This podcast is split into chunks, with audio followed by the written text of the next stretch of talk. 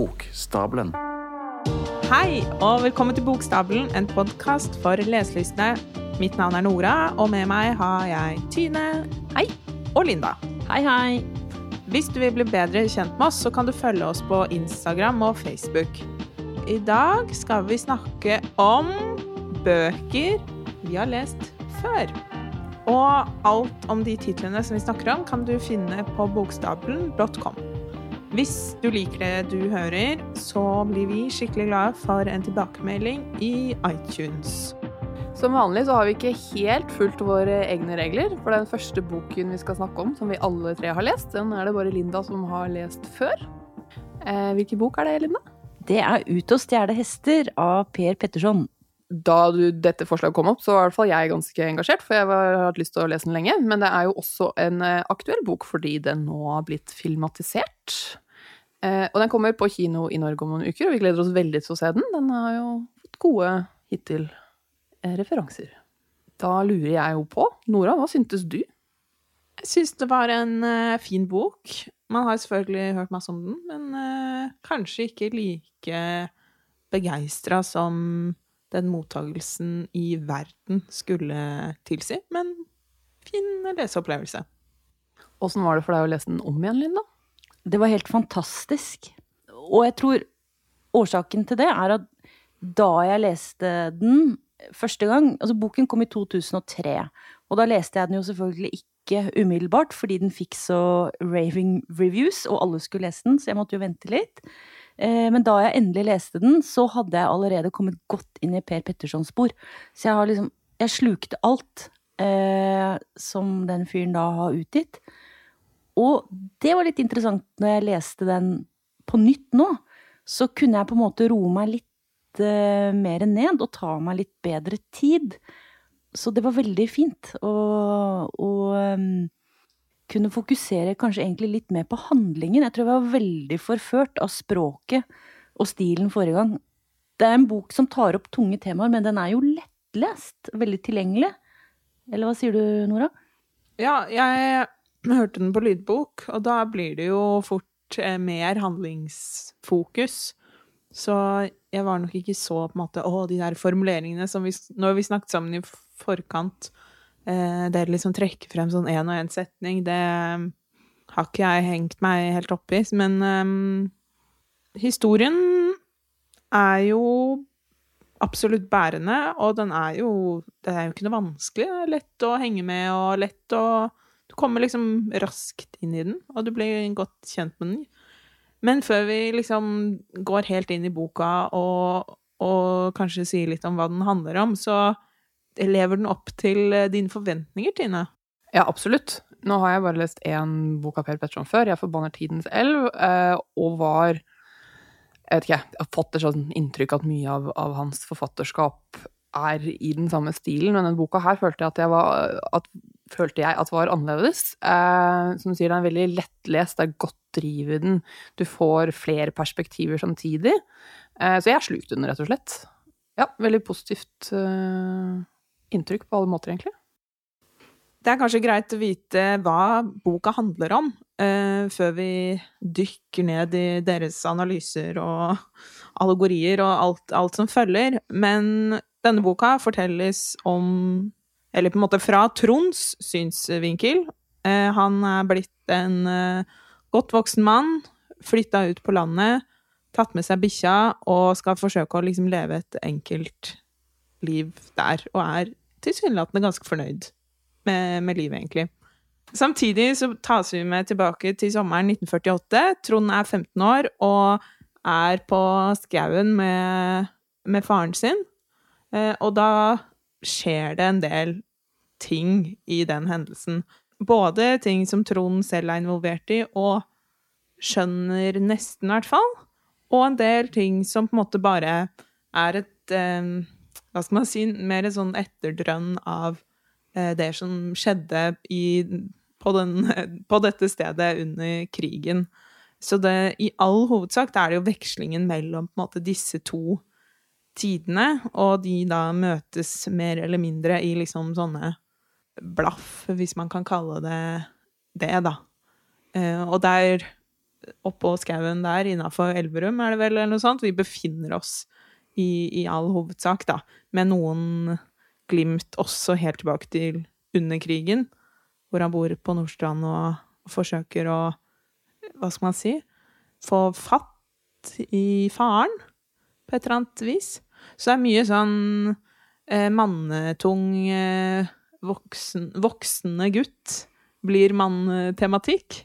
Og godt voksen mann ser tilbake på livet og skjønner kanskje litt mer enn man gjorde da, i hvert fall. Og jeg syns også, i tillegg til måte, det handlingsdrevede ved dette og mellommenneskelige eh, hendelsene som driver boka fram, så er det også mye Du er veldig i disse stedene. Du er veldig i denne naturen på disse, både den, når han er eldre og har slått seg ned og må måke snø og ja. Og når du er, de er på denne setra om sommeren, og det handler om elva, det handler om jordene, og det handler om dyr. Um, tømmerhogst. Ja, tømmerhogst, mm. fløting. Uh, ja, du, jeg føler at det er veldig mye også de stedene er veldig til stede i boka òg, da.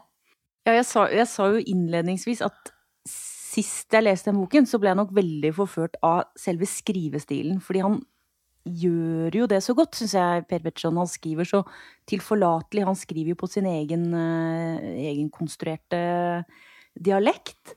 Sånn at det er litt lett Eller jeg syns det er litt sånn lett å bare bli så revet med, da. At jeg uh, nyter på en måte leseopplevelsen. Og så kan jeg kanskje egentlig glemme Jeg merker at jeg hadde egentlig glemt en del av hva selve handlingen gikk ut på. Det kom jeg eh, jo Jeg kom fort på det igjen når jeg begynte å lese. Men det er kanskje mer eh, den stemningen som sitter igjen i meg fra forrige eh, runde. Det kan jeg være helt enig med deg i, og det føler jeg ofte med de bøkene jeg liker godt, er bare mest den følelsen leseopplevelsen gir deg. Og det er jeg jo helt enig i at han Det er jo en behagelig bok å være i det er nettopp som du sier, Tine, dette med liksom Han bygger et veldig sånn tydelig sted hvor det ikke nødvendigvis er så trygt å være alltid, men det er i hvert fall liksom godt. Det er litt sånn herre Det lukter godt, tenker jeg, og det er litt sånn herre Og det setter seg i kanskje mer enn sånn detaljene i Hvem som hva, gjorde ja, hva, hva, som, som har skjedd. Ja. Det, det er ikke så farlig. Jeg er også ganske imponert over hvordan som du sier, dette stedet i boka å være er et godt sted. Selv om mange av temaene han tar opp er store og delvis vonde og vanskelige, så føler jeg Det jeg noterte først etter at jeg hadde lest boka, var at det var en lett bok. Selv om han tar opp disse store tingene, da. Og det er jeg ganske imponert over. Men kan du si noe mer om hva de tingene, store tingene er?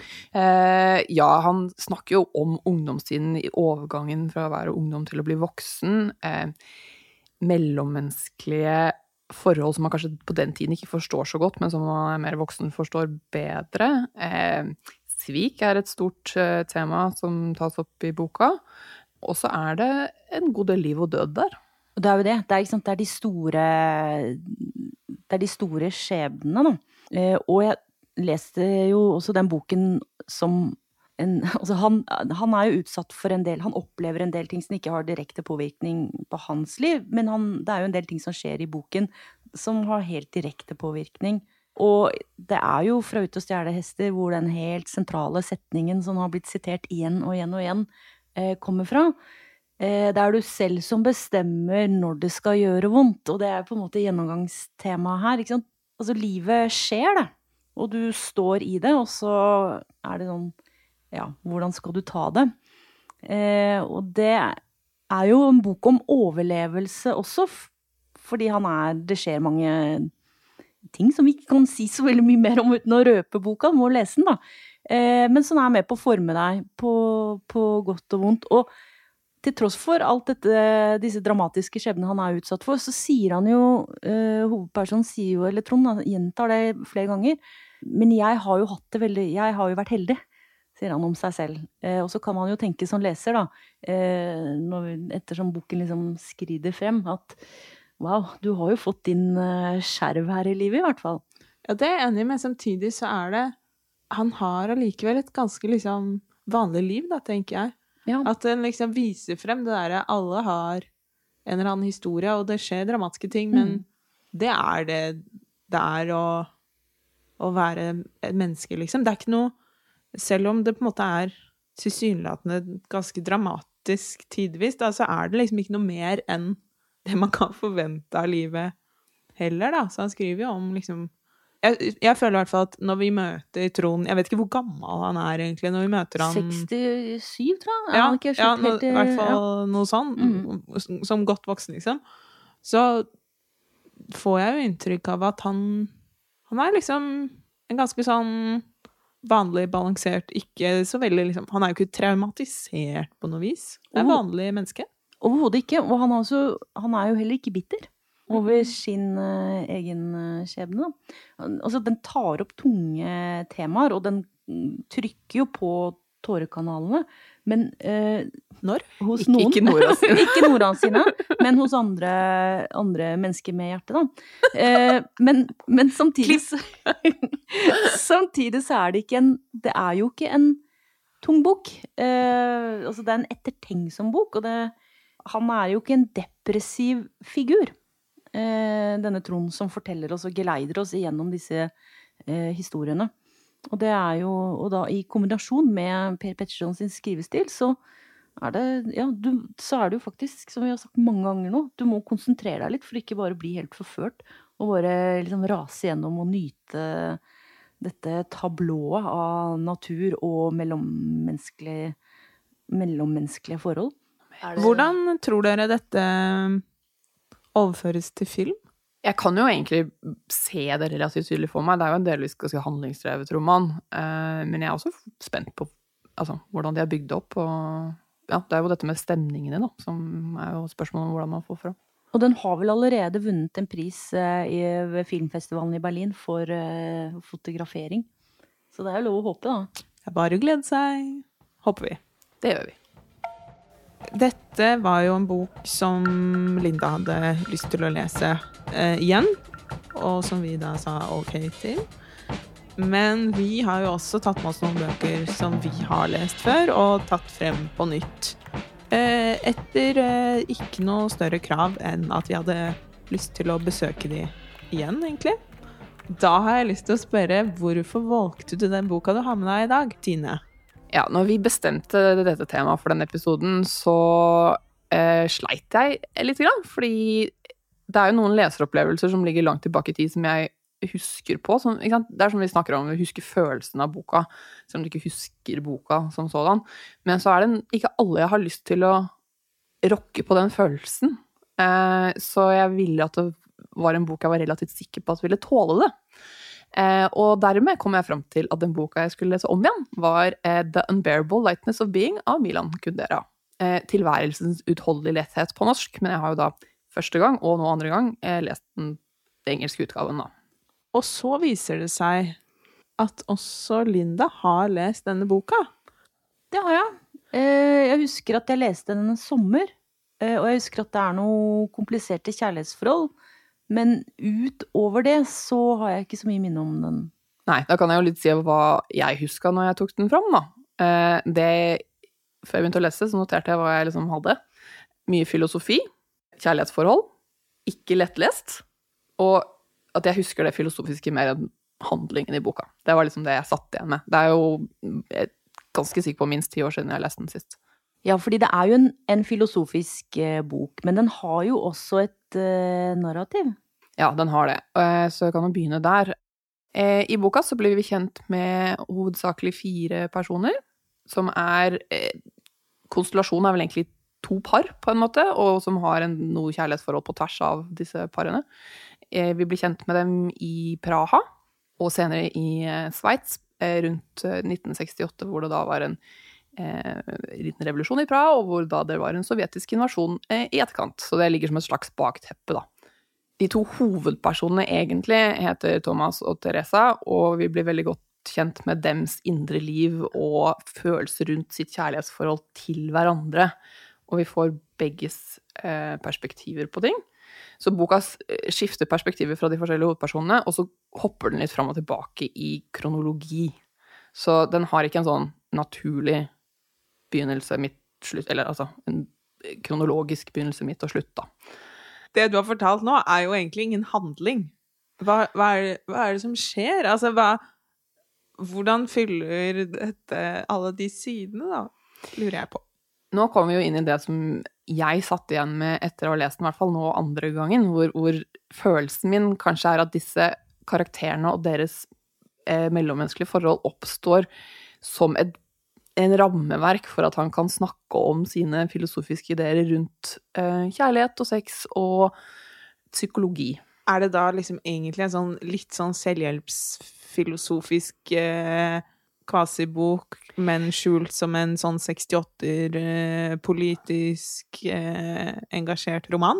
Nei, det vil jeg ikke si. Eh, men mye av det er en veldig sånn selvreflektert indre monolog hos de forskjellige karakterene, som da trekkes ut til eh, filosofer som for eksempel Nietzsche og ja. Må du da kunne mye filosofi for å henge med? Nei, han beskriver det han De prinsippene han diskuterer i detalj, de blir, blir presentert. Hva syns du når du leste boka igjen, Tina?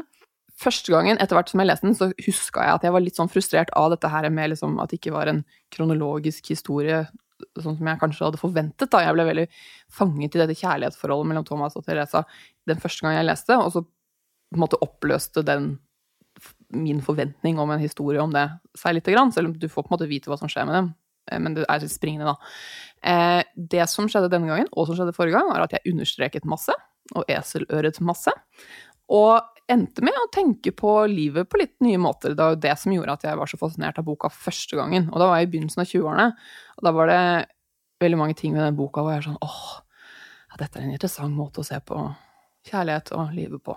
Da er det vi er mest spent på. Har du klart å finne et sitat? Jeg har det. Det er jo ikke så lett, fordi mange av prinsippene som snakkes om, veves over flere sider, så det å liksom trekke ut noe sånn kort er ikke så lett, men jeg har funnet et, så får vi håpe at det duger. Noe av hovedprinsippet, det gjenspeiles jo også i tittelen, han snakker om, er tyngde og letthet i livet. Er tunge opplevelser, positive eller negative, er letthet noe å strebe etter, eller kan noe bli for lett? Så da skal vi ha et lite sitat på engelsk. The heavier the burden, the closer our lives come to earth, the more real and truthful they become. Conversely, the absolute absence of a burden causes man to be lighter than air, to soar into the heights, take leave of the earth and his earthly being, and become only half real, his movements as free as they are insignificant. What then shall we choose? Weight or lightness? En blanding, takk. Det er kanskje også noe av det man konkluderer med i løpet av boka. Eh, det sitatet har jeg merka både nå og forrige gang jeg leste den. Det var også en ting jeg opplevde, at jeg er tydeligvis opptatt av litt forskjellige ting nå og da. Får du lyst til å lese den på nytt, Linda? Nei, egentlig ikke. det var min umiddelbare reaksjon. Nei, skulle den ligge og slenge et eller annet sted jeg skulle befinne meg på et tidspunkt, så kan det godt være at jeg tar den opp igjen, men jeg har ikke noen sånn umiddelbare planer. Nei, men det skal sies altså, selv om det er mye filosofi i den, og den, på en måte, den er ikke sånn kjapt lest nødvendigvis, men den er ikke så tunglest som jeg kanskje var redd den var, fordi som sagt, du kan lett liksom legge den fra deg og ta den opp igjen uten å miste tråden, da. Um, og hvis du da ikke gidder å lese den, så er den også faktisk filmatisert. Da trenger vi bare en liten oppsummering for å samle alle disse svevende trådene, Tine. Ja, og så kanskje da en, en, liten ekstra puff for de som kan være interessert i å lese den. Noe av det jeg likte veldig godt forrige gang, og denne gangen, er at han, siden han kommer med flere menneskers perspektiver rundt noen av livets store spørsmål, så er det noe som er lett gjenkjennelig for de aller fleste. Eh, og så er han veldig god til sånn konsis oppsummering av tanker og følelser. Og det er derfor der all denne understrekingen kommer fra, da. I hvert fall for meg. Vi er jo enige om at eh, tilværelsens uutholdelige letthet tar, noen, eh, tar opp noen eksistensialistiske temaer. Og det gjør jo eh, også den boken som jeg har lest igjen, som heter 'Pesten', og er skrevet av Albert Camus. Og den leste jeg for Det er jo helt flaut å si det, men kanskje 30 år siden. Hva var beveggrunnen din for å plukke opp denne boka igjen etter 30 år? Fordi jeg har aldri Altså, den har aldri liksom gått helt av netthinnen. Den har liksom vært eh, i bakhodet mitt eh, Jeg kan ikke si dagkontinuerlig, men den har liksom kommet opp igjen hele tiden. Eh, og jeg husker liksom vagt eh, fortellingen, eh, som da er eh, eh, handler om et pestutbrudd. Men jeg har vel også alltid lurt på var det bare det den handlet om, eller handlet den egentlig om noe annet? Eller var det, no, var det noen flere lag der som jeg kanskje ikke egentlig tok helt inn da, den gangen? Så jeg har ofte tenkt at den, den uh, har jeg lyst til å lese på nytt, og så er det jo aldri en anledning til det. Bortsett fra da når man uh, starter en podkast og man bestemmer at en av episodene skal være gjenlesning. Så det var en veldig eh, fin anledning. Og veldig gøy. Fant du noe nytt i boka, da? Ja, det gjorde jeg. Det var sånn, Jeg kom veldig fort inn i den igjen, for den starter ganske umiddelbart med dette pestutbruddet. Og bare for å ta litt sånn rammefortellingen, så er det Eh, historien er lagt til en havneby i eh, Algerie. Eh, den gangen Algerie var en fransk eh, koloni. Boken kom i, i 1947. Og eh, vi eh, blir da kjent med en doktor Rieu, som da begynner å observere rotter og etter hvert syke mennesker, da, som han skjønner.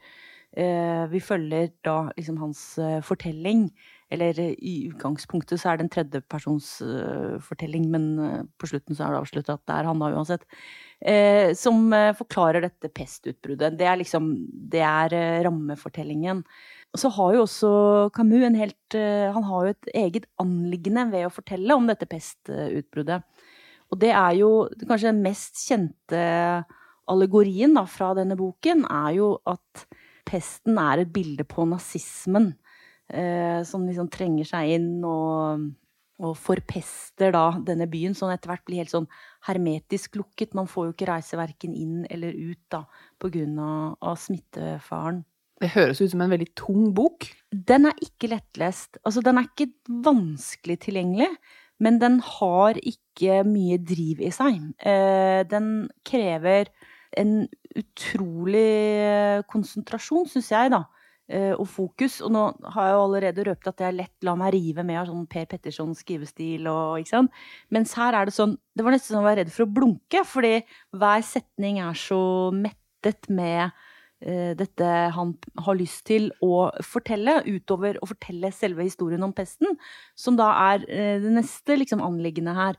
Uh, og det er jo det at han ønsker å Han ønsker egentlig å komme en sånn objektiv fremstilling av hvordan mennesker og et samfunn reagerer da under eh, Eller handler uh, under et sånn um, tilfelle av I dette tilfellet av sånn pestutbrudd. Altså blir man Tenker man bare på seg selv, eller setter man sin egen lykke og sin egen kjærlighet f.eks. til side for det Hva heter det? The greater good. Og det gjør jo disse karakterene Vi møter en håndfull karakterer som vi egentlig ikke blir sånn veldig godt kjent med, fordi det er ikke det som er poenget hans heller. De er bare aktører i denne større fortellingen om hvordan, eh, hvordan eh, mennesker agerer under satt liksom i en sånn in a tight spot. Nå blir det veldig mye engelsk her, for jeg klarer ikke å finne ordene på norsk. Pressa situasjon. Pressa situasjon, ja.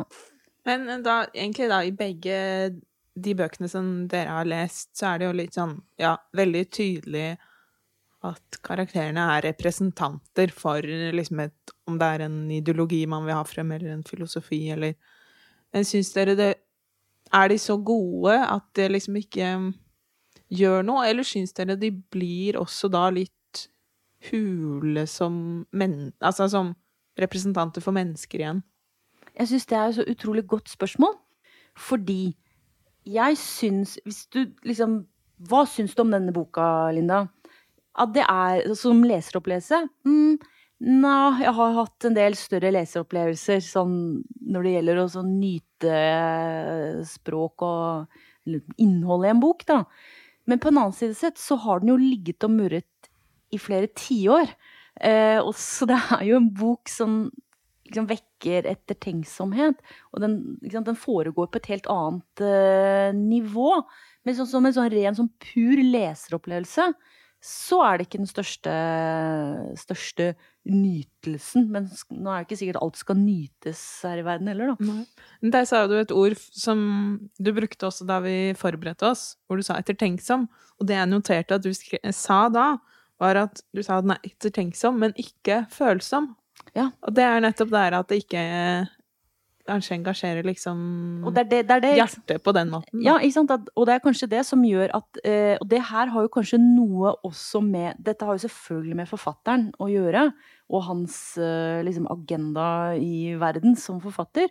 Men det har jo kanskje også med slags sånn Kan jo være et generasjonsskifte? Kan jo være at han er en, var en fransk forfatter som sant, ofte de er opptatt av ideer og eh, de eksistensielle Jeg sier ikke at alle er det, men eh, mer opptatt av de ideene enn å skildre det mellommenneskelige, da. Ja, når du spør, eh, Nora, så, så syns jeg det er interessant i forhold til Kundera-boka også, fordi selv om det er en bok hvor det er mye føleri, da, hvis du vil kalle det det, eh, så er det ikke det du sitter igjen med hovedsakelig, kanskje mest fordi karakterene er nesten litt arketypiske, hvor én tar veldig lett på det med sex og kjærlighet, og én tar veldig tungt på det for å få fram disse filosofiske eh, Motsetningene. ja, motsetning er en, en fin måte å si det på. Så selv om du blir så godt kjent med deres indre liv, så blir du kanskje ikke så glad i dem på den måten du gjør med andre karakterer, da. Du nevner jo, Linda, at han skriver rett etter eh, andre verdenskrig. Han eh, på en måte vil fremstille nazismen. Men jeg blir litt nysgjerrig på, er jo og Selvfølgelig, man tenker liksom på ebola og sant, sånne type sykdomsutbrudd, men hvis man tenker mer på de der ideologiene, eh, samfunnet, i en litt sånn større kontekst, da, hva, hvordan kan vi lese denne boka i dag? Eller hva kan den boka gi oss i dag, da? Det spørsmålet er liksom enda mer relevant enn du kunne ha forestilt deg, fordi jeg har ennå ikke lest opp slutten av boka for deg. Det skal jeg gjøre nå. Tine også, følg med. Mens han hørte på gledeskrikene som steg opp til ham fra byen, husket Rieu at denne glede alltid er truet, for han var klar over at denne menneskemassen i fest ikke visste det en kunne lese i bøkene at pestens basill verken dør eller forsvinner, at den i årevis kan ligge urørlig i møbler og klær, at den venter tålmodig i soveværelsene, i kjellerne, koffertene, lommetørklærne og i gammelt papir, og at den dagen kanskje vil komme da pesten, til ulykke og til advarsel for menneskene, igjen vekker sine rotter og sendte dem ut for å dø i en lykkelig by. Ikke sant? Jeg, jeg fikk så gåsehud når jeg leste det nå, fordi eh, ja Vi ser jo at det er krefter på fremmarsj eh, både i Europa og eh, i både i Nord- og Sør-Amerika. Så den er liksom Den er jo evig aktuell. Og det, gjør det jo til en Det gjør det jo til stor Eller bidrar jo til å gjøre det til stor litteratur, selv om det kanskje ikke der og da er den største leseropplevelsen. Den boka du har med deg, Nora, er også litt sånn politiske undertoner. Eh, Men hva var det som gjorde at du valgte den til denne episoden? Nei, si det. Jeg gikk eh, litt sånn og gressa i min egen bokhylle, og jeg tror da vi snakket om dette temaet første gang, så hadde jeg mange forestillinger om hva slags bøker som kunne vært morsomt å lese om igjen. Eh, Og jeg tenkte nok litt i de banner som du nevnte tidligere, Tina, at man vil ikke ødelegge noe, og man vil på en måte ha noe igjen for det, og at det skal være noe som er litt eh, interessant å snakke om. Tenkte på isfolket. Hadde vært spennende, men eh, jeg tror ikke det hadde vært så gøy å snakke om. Jeg landa til slutt på Moshin Hamids eh, The Reluctant Fundamentalist, som jeg leste på videregående. Så det er ca. ti år siden. Den kom ut i 2007, og jeg gikk ut i 2009, så et eller annet sted mellom der leste jeg den. Så ca. ti år siden. Og jeg husket eh, ikke så mye av den, men den har liksom alltid festet seg, og den har en veldig spesiell form. Og den husket jeg jo veldig godt. Men liksom hva som egentlig skjedde, eller hva det handlet om, det har, ikke, har jeg ikke tenkt så mye på. Ja, Den motvillige fundamentalist heter den vel kanskje på norsk. Og du må greie litt mer ut om denne spesielle stilen boken er skrevet i, Nora. Ja, det er en um, monolog, kan man vel egentlig si. Eller altså, det er en dialog, men hvor det bare er den ene siden du får høre. Eh, så den er fortalt av en eh, pakistansk mann som er ca. 25 år gammel, som heter Chances, som da går opp til en amerikaner på et eh, torg i Lahore og sier Hei, du, kan jeg hjelpe deg med noe? Og så bare skraver den han derfra. Og de på en måte Han forteller i all hovedsak sin livshistorie til denne mannen, da, over litt te og mat og sånt på et nokså travelt torg i en pakistansk storby. Og det er liksom Det er plottet, og så er den da Den er jo da i en hen... Altså, den, han henvender seg jo til denne amerikaneren, som vi aldri får høre noe fra. Så den er jo da i en veldig sånn direkte eh, du-form, som er jo ganske uvant å lese, egentlig. Men Tine nevnte jo litt sånn innledningsvis når hun eh, innannonserte ditt eh, bokvalg, at den hadde noen politiske undertoner. Og vi i Vi befinner oss i Lahore. Det er en pakistansk-amerikansk Eller han er vel pakistansk, men har bodd og studert i USA ved Princeton er tilbake. Og han treffer en amerikaner eh, som han setter i gang, og har en lang eh, 150 siders monolog.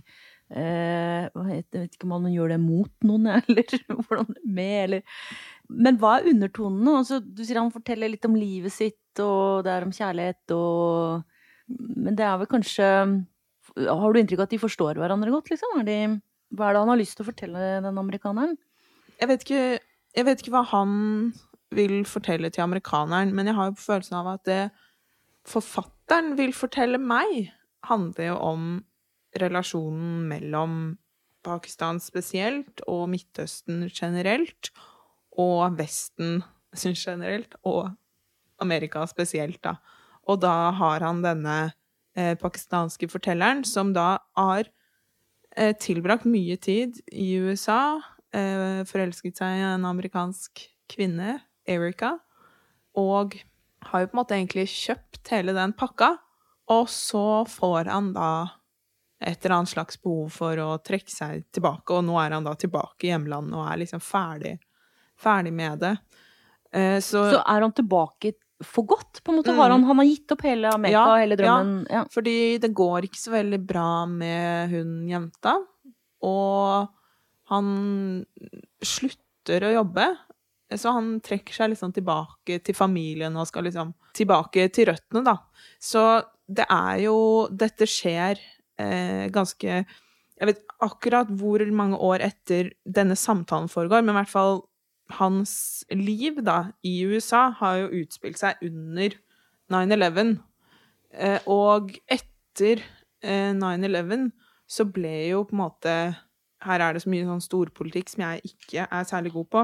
Men da støttet Pakistan Amerika i denne eh, liksom krigen mot terror, og ble jo med det liksom førstelinja, som ble en veldig vanskelig situasjon for Pakistan å stå i, også fordi konflikten med India og deres kontakt? Altså, Sånn jeg forstår det, så handler dette veldig mye om egentlig den politiske konflikten mellom de to landene. Og så er bare da i stor grad personifisert gjennom denne mannen, og at vi får det kun fra den andre siden. Den siden vi vanligvis egentlig ikke hører, da. Ja.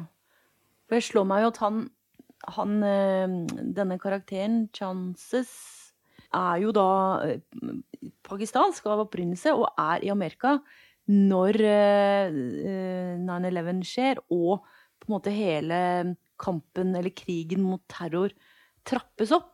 Og han opplever jo kanskje det da Kanskje veldig sånn fremmedgjort i Amerika. fordi tenk seg hvis vi satt i et annet eh, land, og så ble Sverige bombet, så hadde- sikkert sympatien ligget i Sverige, kanskje. Altså ikke i det landet vi befant oss i, da. Ja, Så så han får en blir jo indre- du eh, representanten for Mhm. fienden, da, for det, man er jo litt unyansert. Og sånn Midtøsten, det er der terroristene er. Men det, det har jo ingenting med det å gjøre. Eh, Og det er kanskje med på å endre hans forhold til det landet i det hele tatt, da. Altså, sånn på det personlige plan, da, så dette storpolitiske slår på en måte hull på hans eh, drøm om den amerikanske drømmen. Mm.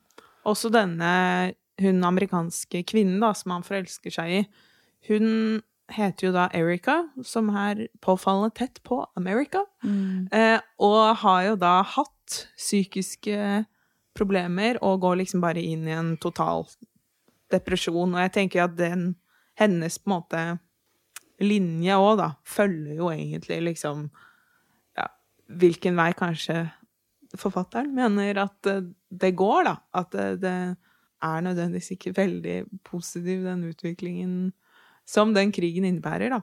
Det tar jo opp veldig interessante og store temaer, men hvordan oppleves denne boka med denne veldig spesielle fortellerstilen? Det er jo noen ganger litt konstruert, fordi han må på en måte flette inn noen av svarene. Eh, han kommenterer de svarene som er blitt sagt, på en litt sånn unaturlig måte. Samtidig så selvfølgelig vet du aldri Altså, alle historier er jo alltid bare én side av saken, men her er det jo veldig tydelig. Så man veit jo aldri hvordan reaksjoner han får, og det, da blir det jo litt sånn Men hva er det? Og det gjør det jo med en gang til en mer upålitelig forteller hvis bare det å ha svarene hadde liksom gjort noe med vekten, da. For dette er bare én måte å fortelle, selv om det er hans historie.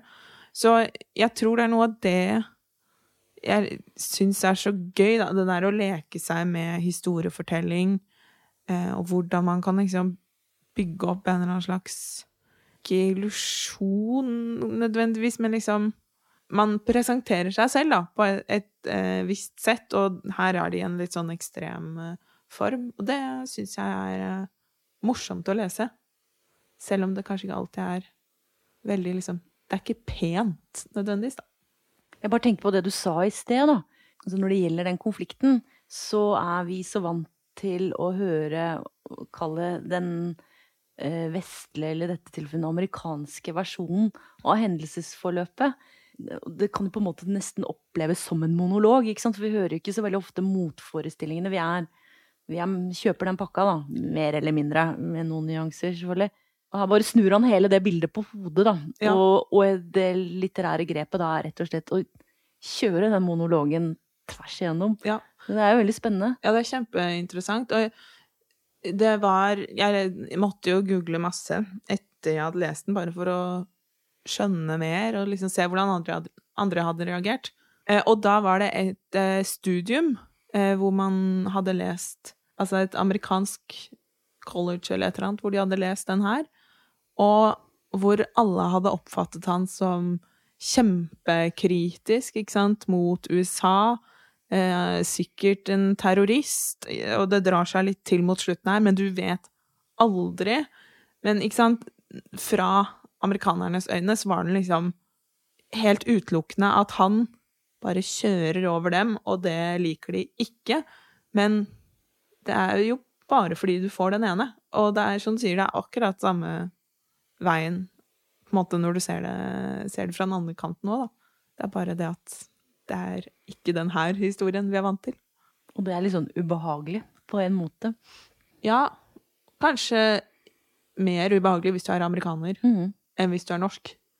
Tror jeg. Fordi vi er liksom så Jeg vet ikke. Vi er ikke vant til å være sånn stormannsgale. Nei, men Det er litt interessant da, at den boka da kan oppfattes så forskjellig ut ifra ståstedet den leses fra. Mm.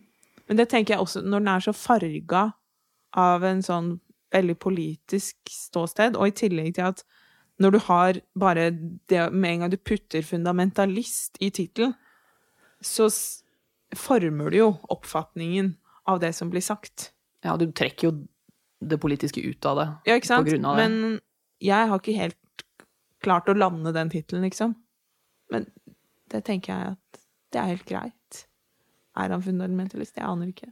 Det gjør det jo mer interessant. Ja. Jeg tenkte bare som en sånn generell kommentar til det du sa om at du, etter at du hadde lest boken, så måtte du bare google masse, og det setter i gang eh, liksom hele treskeverket. Og jeg syns det bare er så utrolig morsomt når man har sånne leseopplevelser, hvor han liksom sitter ofte igjen kanskje med enda litt flere spørsmål. Så alt blir ikke helt sånn ferdig tygd og presentert, og så kan du jobbe med stoffet og jobbe med boken etterpå. da. Mm. Det er veldig gøy. Denne boka her er jo også filmatisert. Ja. Og, og da lurer jeg på hvordan i verden har de gjort det? ja, for da Det må bli så annerledes. Jeg har da tydeligvis ikke sett den, men det må bli annerledes. For med en gang du har liksom bare et fjes på den amerikaneren, så blir det annerledes. Det kan jo være bra, men det blir noe annet. Så filmkveld, eller? Det er det det lukter. Yes. Oh yes. Da var vi gjennom eh, dagens eh, bokstabel. Hvis du har lyst til å høre eller lese mer om eh, disse bøkene, så kan du gå inn på bokstabelen.com. Eller du kan følge oss i sosiale medier på Instagram og Facebook. Bokstabelen lages av eh, Linda Aarvik Nora Norskar Hoel. Og Tine Våg Fjelstad. og produseres av Einar Stabenfeldt. Takk for at du hørte på. Ha det! Ha det! Ha det!